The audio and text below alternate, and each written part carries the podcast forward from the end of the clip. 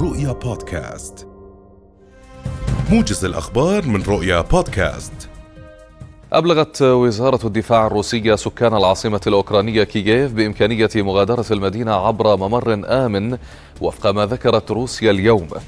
وقالت وزارة الدفاع الروسية إنه بإمكان كافة المدنيين في العاصمة كييف الخروج من المدينة باتجاه الجنوب مشيرة إلى أن هذه الطريق مفتوحة وآمنة. هوى الروبل الروبل الروسي إلى مستوى قياسي منخفض أمام الدولار بعد أن أعلنت دول غربية سلسلة من العقوبات القاسية في مطلع الأسبوع لمعاقبة روسيا على حربها لأوكرانيا. شمل ذلك عقوبات على احتياطيات البلاد من النقد الأجنبي. وارتفع سعر الدولار مقابل الروبل ليصل إلى مستوى قياسي بلغ 119 روبل لكل دولار في المعاملات الآسيوية. وارتفع الدولار حتى الآن خلال هذا الشهر إلى 53.77% بالمئة أمام الروبل. أوصت فرنسا رعاياها الموجودين في روسيا بمغادرة البلاد بلا تأخير بسبب القيود المتزايدة على الحركة الجوية بين روسيا وأوروبا. الخارجية الفرنسية قالت إن معظم الشركات الأوروبية بما في ذلك الخطوط الجوية الفرنسية أوقفت تسيير الرحلات والتحليق فوق روسيا مساء أمس.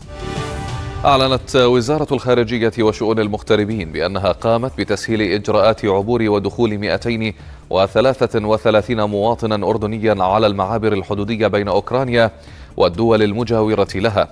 وأوضحت الوزارة في بيان اليوم أنه تم تأمين المواطنين الأردنيين بكافة أشكال المساعدة والدعم وتوفير الخدمات الضرورية واللازمة لهم والاطمئنان على سلامتهم وأحوالهم.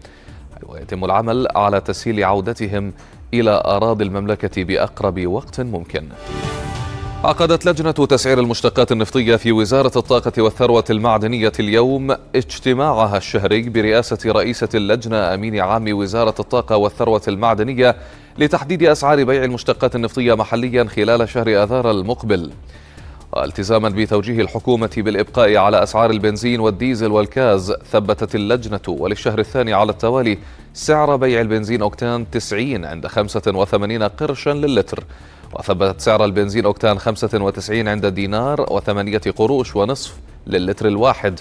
وسعر الديزل والكاز عند 61 قرشا ونصف للتر والإبقاء على سعر أسطوانة الغاز عند سبعة دنانير للأسطوانة. عقدت وزارة التربية والتعليم اليوم تقويمها تشخيصيا أو تقويما تشخيصيا وطنيا للطلبة في الصفوف بين الرابع والحادي عشر. الوزارة قالت أن هذا التقويم سيساعد على فهم مدى تأثير أيام التغيب عن المدارس على مستوى الطلبة وتحديد احتياجاتهم والاستجابة لها. وينعقد التقويم اعتبارا من اليوم وحتى يوم الخميس القادم. وزارة التربية والتعليم بينت أن هذه الاختبارات تأتي ضمن خطة الوزارة لتعويض الطلبة عن الفاقد التعليمي. قال وزير التربية والتعليم وجيه عويس اليوم إن الوزارة ستعيد النظر بموعد بدء دوام الطلبة اليوم أو غدا الثلاثاء.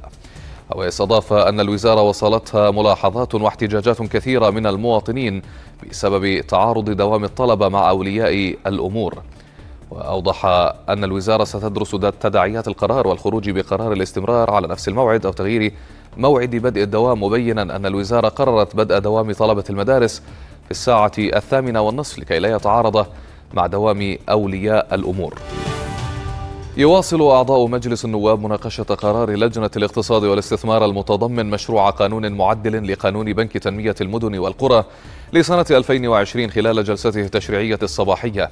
وبموجب مشروع القانون سيتم تغيير اسم اسم البنك ليصبح بنك التنمية المحلية بهدف تمكينه من المساهمة في تحقيق التنمية المحلية الشاملة في البلديات ودعم مشاريعها ومساعدتها على القيام بواجباتها.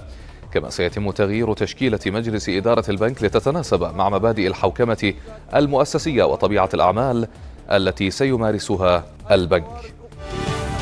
ووردنا الآن هذا الخبر قبل قليل حيث كشف نائب رئيس الوزراء وزير الإدارة المحلية توفيق كرشان أنه تم تغيير دوام المدارس ليصبح في تمام الساعة السابعة وخمس وأربعين دقيقة صباحا.